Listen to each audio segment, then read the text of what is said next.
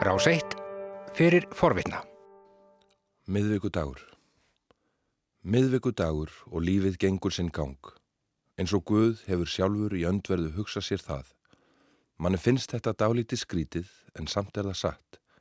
Því svona hefur það verið og þannig er það. Þér gangið hér um með sama svip og í gær, þér sigrandi fullhugar dagsins sem krónuna stífið. Í morgun var haldið uppbóð á eignum manns sem átt ekki nóg fyrir skuldum, þannig er lífið. Og mennirni græða og mennirni tapa á víksl og mönnum er lánað þó engin skuld sína borgi, um malbyggu strætin berst múksins háværa ös og morgumblaðið fæst kiftnir á lækjartorki. Miðvíkudagur og lífið gengur sinn gang og gangur þess verður vist kvorki aukinni tafinn. Dagbjartur múrari egnaði strengi gær Í dag verður herra Petersen kaupmaður grafin. Þetta kvæði er að finna í fyrstu ljóðabók Stein Steinars, Rauður lógin Brann, sem kom út árið 1934. Kvæðið fangar kvestasleikan, bæði dökkuliðar hans eins og gjaldtrótt, en líka það undur að börn og morgumblæðið líti dagsins ljós. Fyrir halvu ári hefði maður eftir fristast þess að skoða þetta kvæði fyrst og fremst í sögulegu ljósi En nú er það eins og beint innlegg inn í það umræðu sem efstur á baui á vettfangi dagsins. Mennirnir græða og mennirnir tapa á víksl og mönnum er lánað þó engin skuld sína borgi. Í kvæðinu er ekki aðeins glýmt við andstæður eins og skuld og borgun. Heldur er í þessu kvæði, eins og svo mörgum öðrum eftir stein steinar, mynd á þó ófrávíkjanlegu staðrind að menn fæðast og þeir deyja.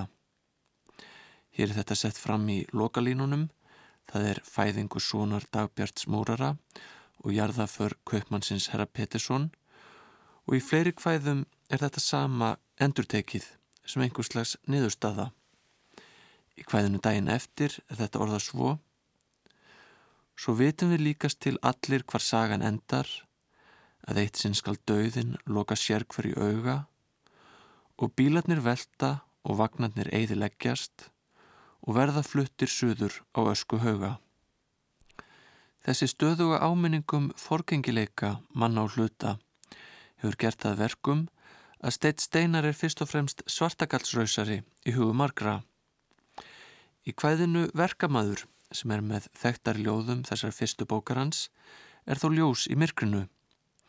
Það er dregin upp myndamanni sem er eins og hverjanar verka maður í vinnufötum og slittnum skóm og þegar þessi sami óbreytti verkamaður hefur mist vinnuna og hver dagur verður að hatramri glímu við hungurvofuna þá ólgaði hatrið sem öldur á sænum og auðvaldsins harstjórum ristu þeir nýð og loksins koma því að þeir börðust í bænum um brauð handa fátækum verka líð.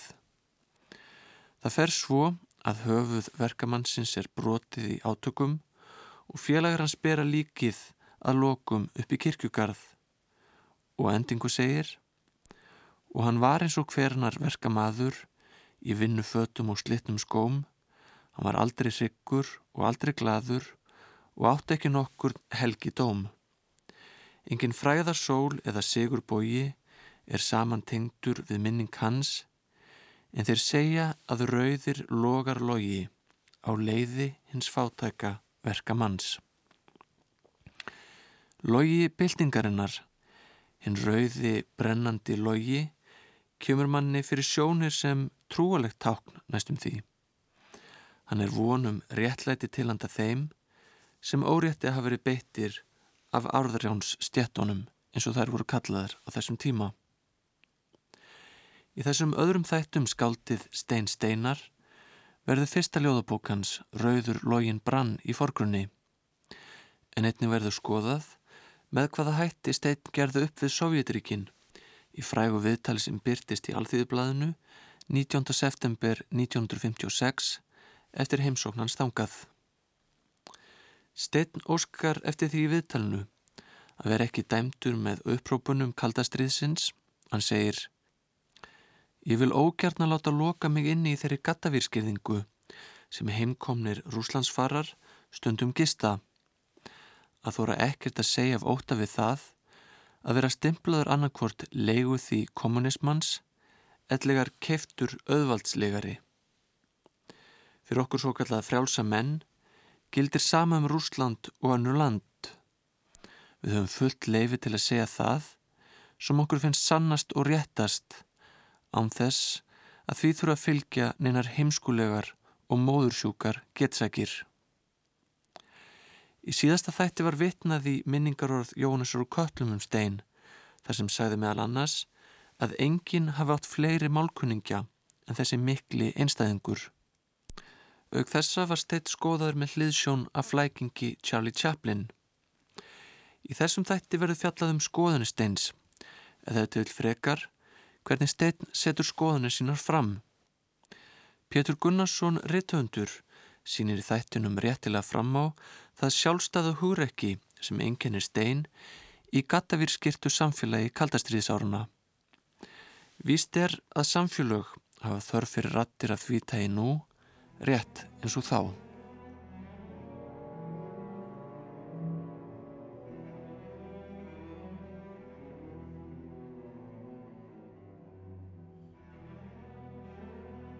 Örega æska Ég helsa yður, örega æska, með öregans heróp á tungu. Hjá yður fættust þær viðkvæmi vonir sem vordaga lífs mín sungu. Hjá yður er falins á eldur sem andan til starfsins vekur, sem brítur að lokum heimskunar hlekki og harstjóran burtu rekur. Ég helsa þér örega æska sem auðvaldið rak út á hjarnið, sem átti að lifa og líða og deyja, við loftleysið, kuldan og skarnið, sem átti að svelta og sapna silfrinu í auðmannsins poka og bera með þolgæði þrældóms okið og þeia til æfi loka. Og það er hinn sama saga, er saman aldirnar flétta, þínir feður og mæður í þúsund liðu voru þrælar drottnandi stjetta. Þau áttu þann sama óvinn sem arðrænir streytandi líðin Þau báru til enda sitt böl og sinn kross, svo böguð og kjarklaus og hlýðin. Árið 1934 þegar Rauðurlógin Brann kemur út hafa orðið talsverð tíðindi í íslenskum bókmyndum.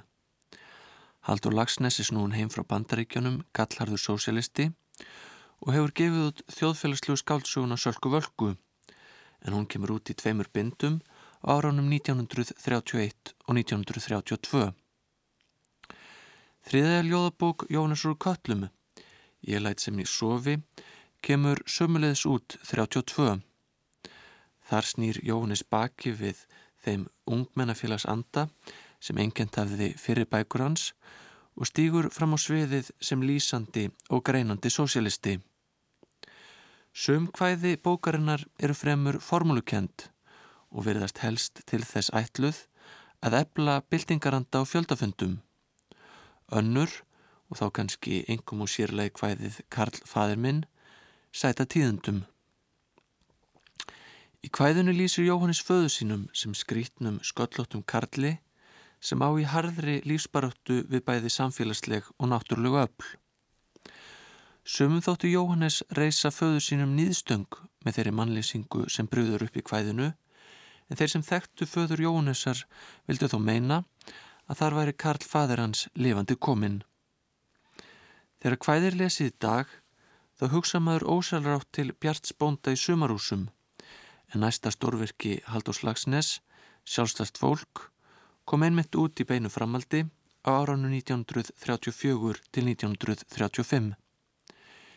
Í hvæði Jónessa segir Hann reisti nú bú á þeim blásna mel og byggðinni láfið að hlæja Svo leindist í þögn það sem lítið var því langt var til næstu bæja. Menn vissu því fátt um það steinharða stríð sem hann stóði þar langt fram á heiði. Það var kannski helst þegar endrum og eins eitthvað óvanlegt var á seiði. Því stundum var forsjónar höndin svo hörð að hún hrakti hann niður í dalin og fólkinu byrtist hinn kynlegi karl sem á klaka og svita var alinn. En Karlin var ekki að kvarta hann hló og kallaði alla frændur. Það var nú kannski ljótt að leifa sér það við lesna og efnaða bændur. En hann leiði sér meira og það var nú það að hann þúaði blessaðan prestinn og kaupmannin líka hann kunni ekki neitt sem hjá konginum prýðir gestinn. Breytingar á vettfangi bókmyndana má miklu leiti skýra í ljósi kreppunar miklu sem brast á árið 1929 og þegar kom fram á fjórða áratugin fylgdust vinstrimenn og vesturlöndum með uppgangi nazismans og fasismans flemtri slegnir. Ísland var engin undantekning og einn af þeim sem beitti sér gegn uppgangi nazismans í heiminum var Steit Steinar sem árið 1935 var dæmdur fyrir kommunistist ofbeldisverk.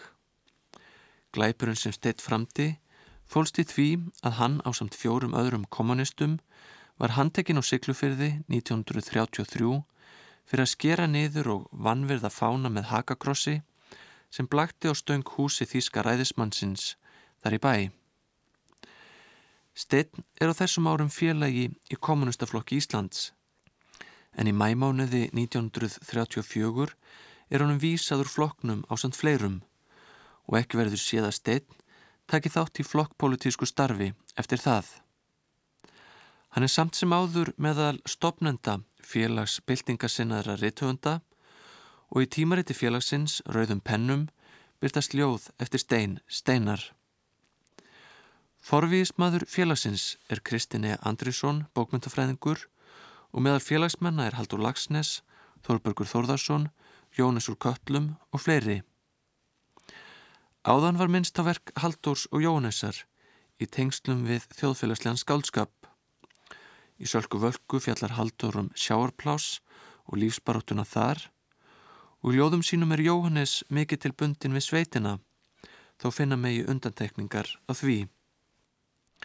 Vettvangur Stein Steinars er hins vegar borgin og fyrstu bók sína tilengaran félagum sínum og kunningum í Reykjavík sem árum saman hafi barist eins og hetjur við hliðans fyrir lífs nöðsunum sínum og enn ekki sigrað.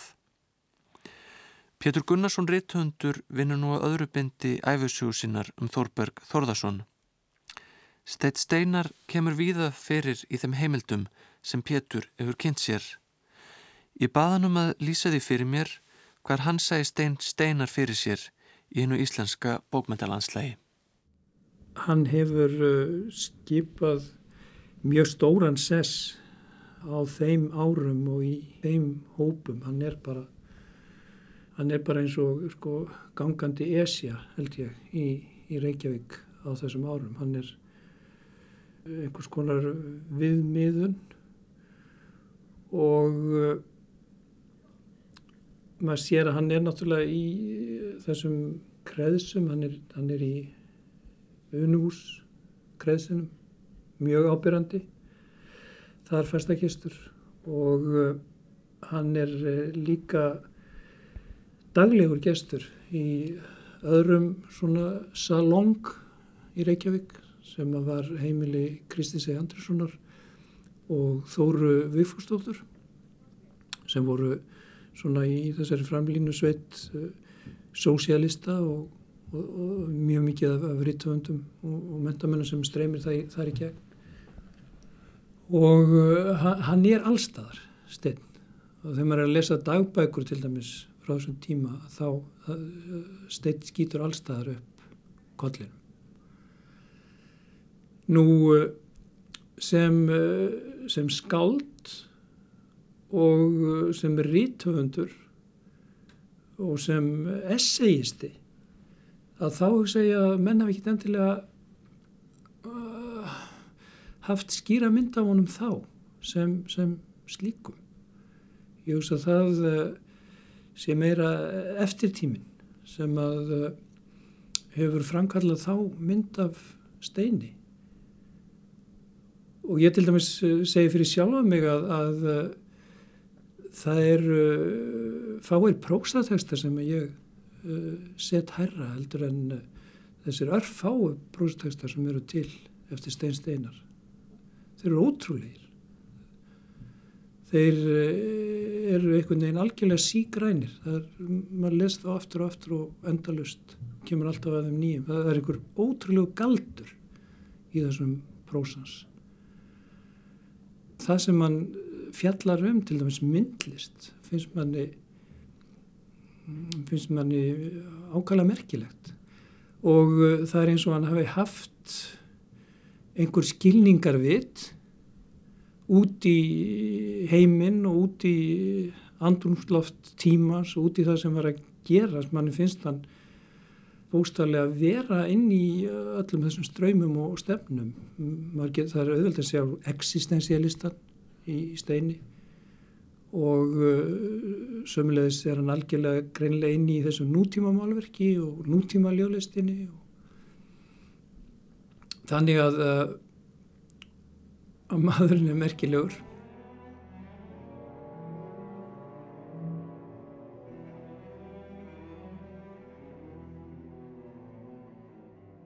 Reykjavík. Reykjavík er dásamleg borg Í vissum skilningi stendur hún fyllilega jafnfætis heimsborgunum sem kalla sig Nombril L'Univers og annað slíkt. En hún er að einu leiti frábröðin London, París og Róm. Hún á sér enga sögu. Hún var skindilega til úr ekki neinu og að því er virðist á nokkurs tilgangs, korki góðs nýja íls, hvað sem það á að þýða. Og við, sem hittumst hér á svona glannalegu morgni, erum börn þessarar borgar. Raunar stjúpsinnir og tökubörn en það skiptir ekki miklu máli því að Reykjavík er öllum góð, hvernig svo sem þeir eru tilkomnir. Hún hefur að vísu ekki gefið okkur neitt sem auga sér eða hönd á festir en hún hefur gert okkur að mönnum, drikkveldum og peningalösum mönnum með ofurlíti brot af samvisku heimsins í hjörtunum. Hún veitti okkur þeggrétt í mannheimum, hún kom okkur að minnstakosti í sálrænt samband við hinn stríðandi líð veraldarinnar og við stóðum æfinlega réttum megin í þeirri baráttuð þótt það væri kannski ekki á margra vitorði. Okkur dreymdi jáfnvel þann stóra draum að fara sjálfur í þá styrjöld og fórna lífinu til lofs og dýrða því sem góðir menn nefna sannleika og réttlæti. Þetta fórum við hverki, en það var ekki okkur að kenna. Við vorum svo fátækir, við áttum ekki fyrir fargjaldinu til aftökustæðarins. Þannig er Reykjavík og á þennan hátt skapar hún sína guði og sína menn.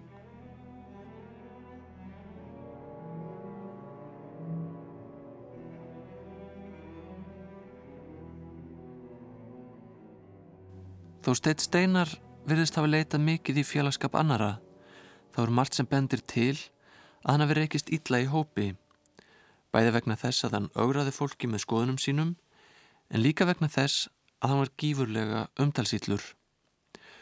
Um þetta vittnar til að mynda prólogus að ettu, ljóðasafni Þorbergs Þórðarssonar, sem tímasettur er með eftirfæranda hætti.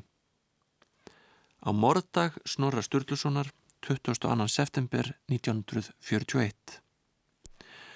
Þórbergur færir sérfræðingum sínum í ýmsum efnum þakkir í þessum prólogus og Stein Steinar tillar hann sem sérfræðing í personunýði og þakkar honum niðursatandi skýrslu um sérfræðingminn í prentlist en skýrslan reyndist nokkuð illa undurbúkuð getur þá og þegar orðið vikið úr embætti og Guðmundur Sigursson kontoristi tekin í staðinn. Reyndar er áhugavert að bera Stein og Þorberg saman vegna þess hvernig þeir reyna á þólrif vinasinn og kunningja með skoðunum sem ganga oft gegn því sem viðtekið er í þeirra hópi. Þegar fyrsta ljóðabók Stein Steinars Rauðurlógin Brann kemur út árið 1934 eru bækur Þorbergs um vestu fátöktar ár hans reyndar ekki farnar að koma út. Íslenskur aðall kemur 1938 og ofvitin 1940 til 1941. En þegar þarna er komið sögu hefur Þórbergur samt gefið bref til Láru 1925 að óglemdum ljóðabókunum Halfur skósalar 1915 og Spaksmannsbjarir 1917. 1922 eru þær svo gefnar út í safnunu Kvíti Hrafnar. Steitt Steinar og Þorbergur Þorðarsson að báðir reynsluna því að mæla götur Reykjavíkur í gatsleitnum skóm en dreyma á sama tíma skáldlega óra um sjálfa sig og heiminn. Þegar þessu tvennu lístur saman í ljóði þá verður útkomin harla brosleg en harmræn um leið. Þegar Þórbergur yrkir um ástina árið 1915 í hvæðinu Jégur aumingi þá er þið upphafna skáldamál honum augljóslega tamt á tungu. Erindi á borfið þetta getur mörg skáld hafa orrt af fullri alvöru. Aldrei sé ég aftur þá sem unni ég börnsku högum, bak við fjöllin blá og há býður hún öllum dögum. En þegar að fyrsta og síðast erendið eru höfð yfir, þá fer ekki á milli mála að um skopstælingu á tilfinningarhlöðunum samtímaskáldskap er að ræða. Hvæðið hefst svona Ég er mikið mæðu grei, máð því sáran gráta, af því forðum ungri mei, unni ég fram úr máta. Og því líkur svo, en ef ég kemst nú ekki fett, elskulega stína, ég skal geta eins og kett endurminning þína. Áhrif niðurlagsins eru eins og Þórbergur kemstu orði í ingangi þess jettu árið 1942 og með tveim síðustu línunum bjargar höfundurinn sjálfum sér og hvæðinu frá slepjulögum auðmingjaskap. Þegar Steit Steinar gefur út sína fyrstu bók árið 1934 þá er ást Karlmanns til konu ekki lengur hinn Helgu V að minnst okkast ekki þeim hópi sem hann umgengst. Stjættarbaráttan og pólitík skipa nú þann sess sem konan satt áður. Og í þessu sambandi er sérstaklega aðtilsvert að skoða ræfilskvæði. Því þó rauðurlógin brann séð mörguleiti sannfærandi óður til öragastjættarinnar þá renna mann tvær grímur þegar eftirfærandi kvæði er haft yfir. Hafið í huga hvernig Þorbergur talar um að endurminninguna ætli hann að geta eins og kétt í kvæði sínu en í kvæði steins er hjarta skipt út fyrir saltvisk í öðru erendi. Dæmin eru sambarlega því leiti sem fyrirbæri eru aftegnuð með því að umbreyta þeim í fæðu. Rævilskvæði steins hljóða svo. Rævilskvæði Ég er réttur og slettur rævill, já, rævill sem ekkert kann. Ég held þó hér forðum að Guð og gæfan myndi gerur mér afbrags mann. Ef til vill framsókna frömuð því fátt er nú göfur en það og ef til vill syngjandi sjálfstæðis hetju með saltfisk í hjartastað. En allt lítur drottins lögum í lofti á jörð og í sjó, ég eldist og snýst við minn eigin skugga og öðlast ei stundar ró. Sem réttur og slettur rævill, ég ráfa um stræti og torg, með hugan fullan af hetju draumum en hjartað lamað af sorg. Ég bað Pétur Gunnarsson um að bregðast við þessum þætti fari steins. Það er að hreyfa við mannum, áraðum. Mér finnst uh, Jóns úr köllum hitta naglan merkilega á höfuðið þar sem hann líkir honum Sókrates. Það er einmitt lóðið, hann er Sókrates Íslands á þessum árum. Hann er þessi maður sem heldur til á torkinu og tekur menn tali. Og uh, af einhver ótrúlegu æðruleysi og kallmennsku uh, lifir og hærist í, í varnarlausu núi. Og hann uh, sjálfur stein það er eins og hann hafi uh, mátast í þessa stellinga vegna þess að í miðnættusamtali við Mattias Jóhannesen að þá segir hann nefnitt sko, hann er einhvern veginn svona í láta látum að að færast undan viðtalinu. Og þá uh, segir hann einhvern veginn sko ég hef alltaf verið talin hættulegu maður. Vistu hvað ég hef forfært margar einfaldar sálir á lífsleðinni hef ég ekki demoraliserað ungdómin í landinu? Það er einmitt ákjæra atriði sem að uh, sem að hérna menn höfðu á Sókrates. Hann hefði demoraliserað ungdómin í landinu. Þannig að, að þannig að mætast þér skemmtilega Steinn og, og Sókrates En að með að spyrði út í þessar eh, heimildir dagbakur til dæmis Þóru konu Kristins e, hvernig kemur henni steitt fyrir sjónir? Er, er hann að koma þeim úr, úr jafnvægi svona með sinni samræðalist og skoðunum?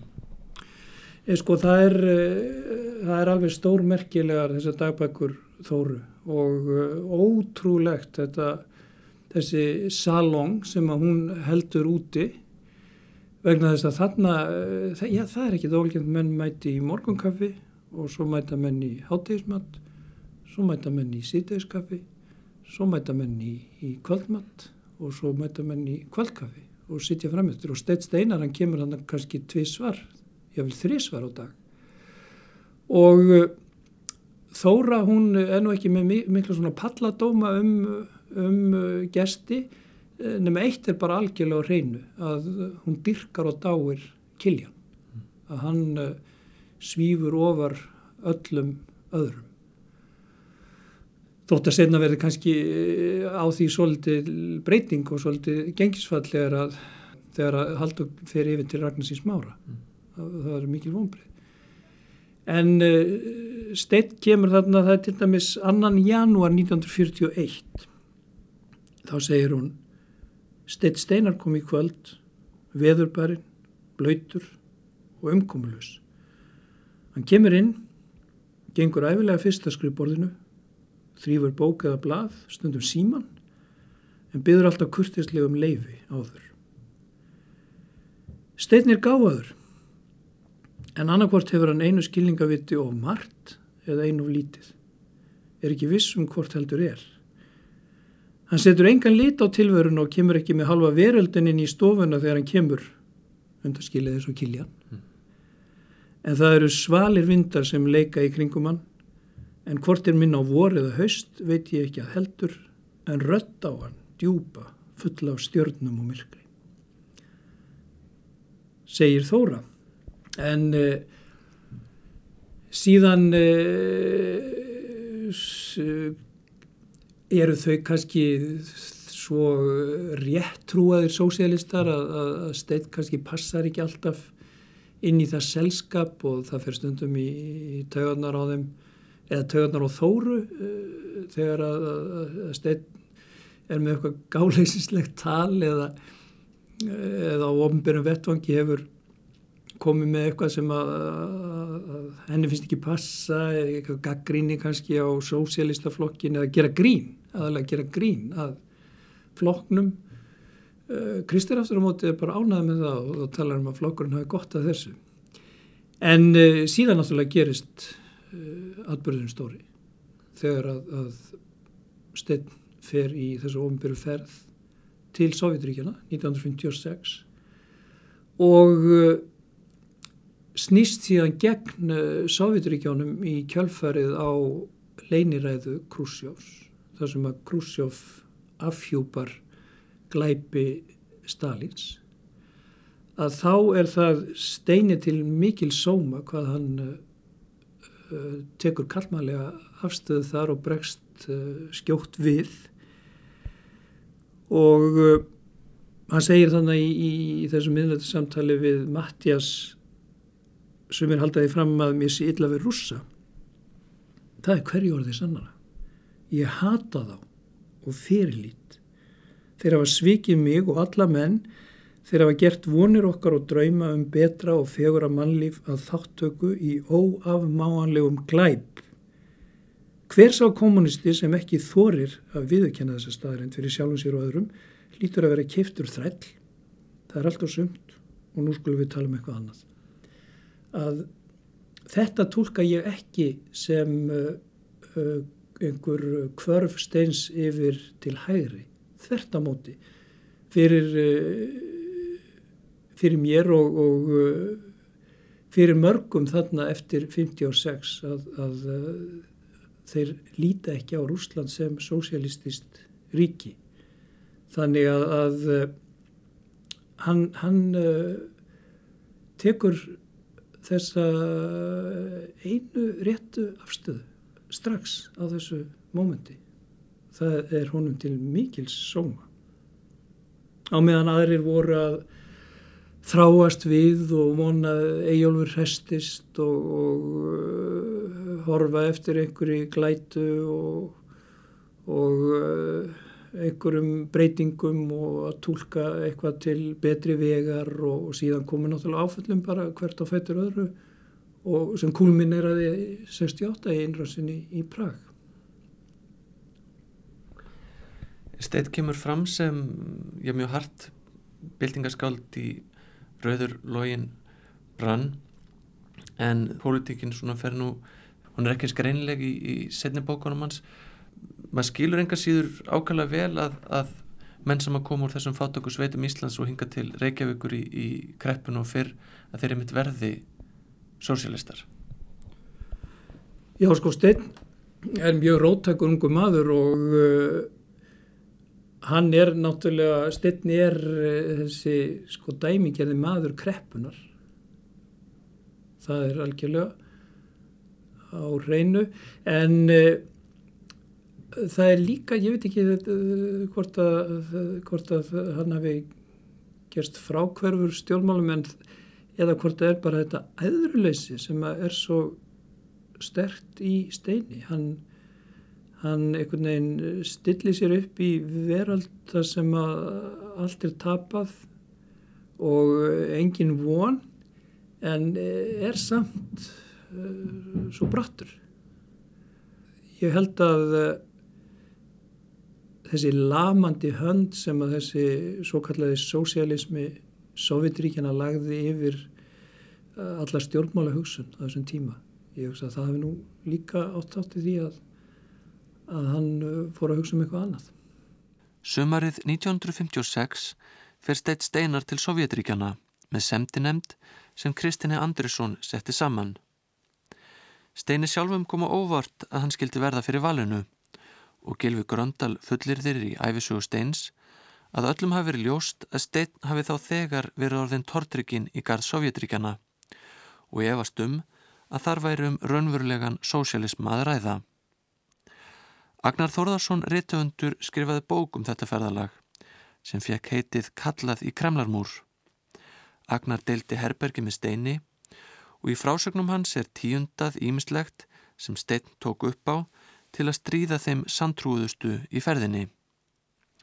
Frægar eru til að mynda sögur af því þegar sendinendin skoðaði nýjar verkamanna íbúðir og stein ofinberaði að Ímis eldústæki stóðust ekki prófanir þó þau virtust óaðfinnanleg við fyrstu sín. Þannig var ískapur úr tré og úr krana kom ekkert vatn og þar framöttu gödónum. Vitanlega voru þetta ekki alvarlegustu blekkingar kommunismans en þegar heim kom hljóp stein ekki raklitt til fjölmiðla til að segja sögu sína. Það var ekki fyrir en að aðrir ferðarfélagar hans fór að tjá sig og sögur fóru að kreik um að stein hefði sínt rúsum óverðingu sem hann talaði opinskátt við Helga Sæmundsson, bladamann alþjóðbladsins. Helgi afhendi steini spurningar skriflega og hann skilaði þeim aftur velrituðum Steinn las einnig endanlegt handrit viðtalsins yfir og sínur þetta glögt þá alvöru sem Steinn var í þessu máli. Vonbreiði hans leina sér ekki. Viðtali byrtist 15. september 1956.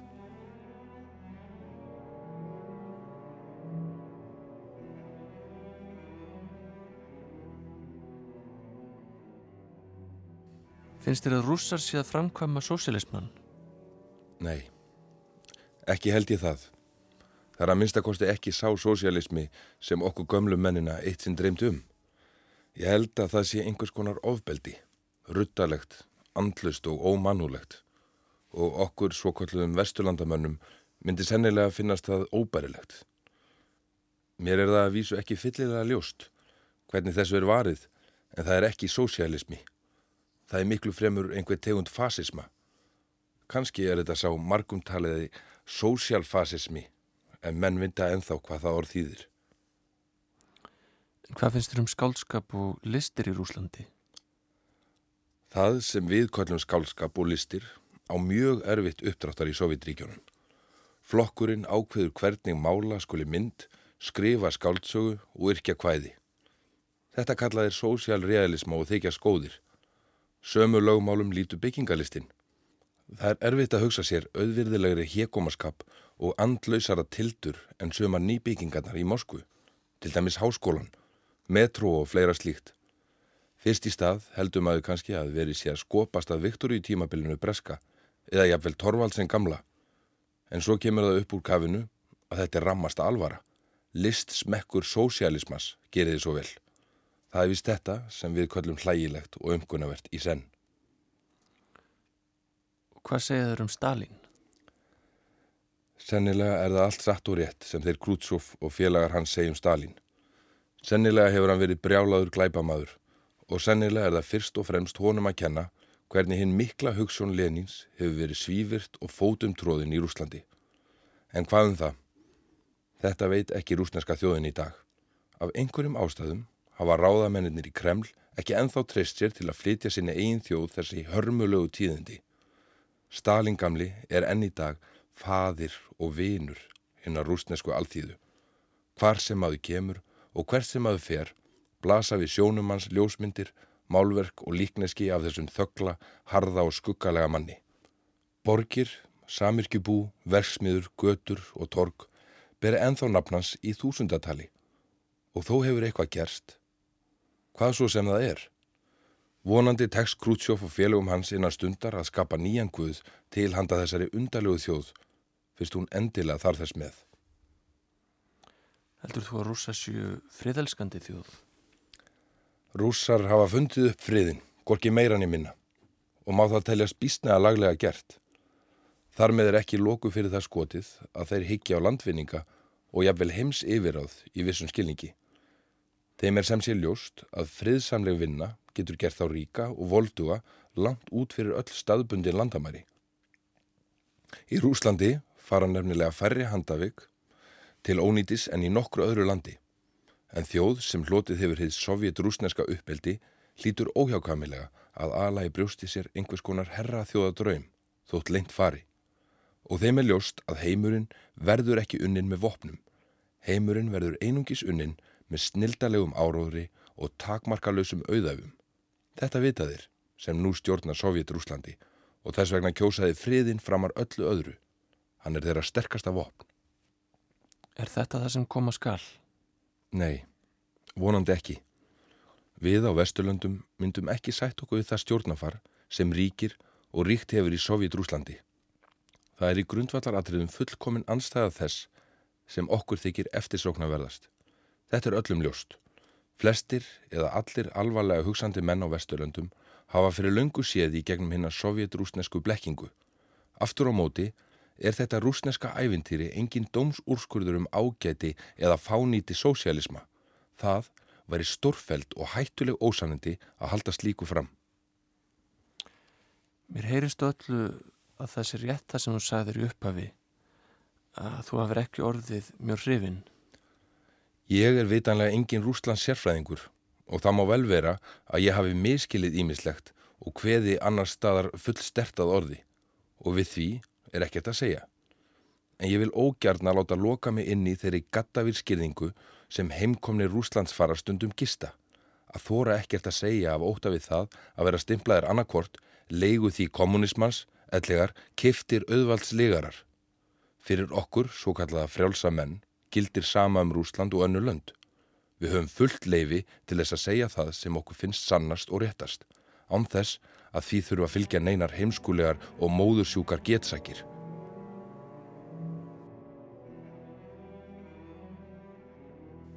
Þegar viðtal við Stein Steinar er lesið þá skinnja maður hversu gífurlega vonbreiði það hefur verið að rúsneska ævintýrið skildi reynast blekking.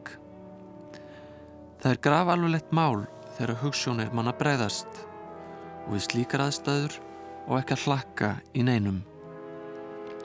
Það er eitthvað ótrúverðugt við það þegar en menn ætlaði steitt steinar þessi Sókrates strætana í Reykjavík hafi einfallega snúið frá vinstri til hæri. Íslendingar ættu að fengi nóg af nauðungarhugsun slíkrar tvíegju og hættir við að slíkur hugsunaráttur verði einungisti þess að menn endur taki söguna sí og æ. Í hvaðinu leiðalokum segir steinn að lokum eftir langan þungan dag er leið þín öll, þú sest á stein við veginn og horfir skiknum augum yfir sviðið eitt andartak og þú mynd minnast þess að eitt sinn eitt sinn endur fyrir löngu laðir þú upp frá þessum sama stað. Eitt af allra síðustu varvettu hvaðum steins hljóða svo.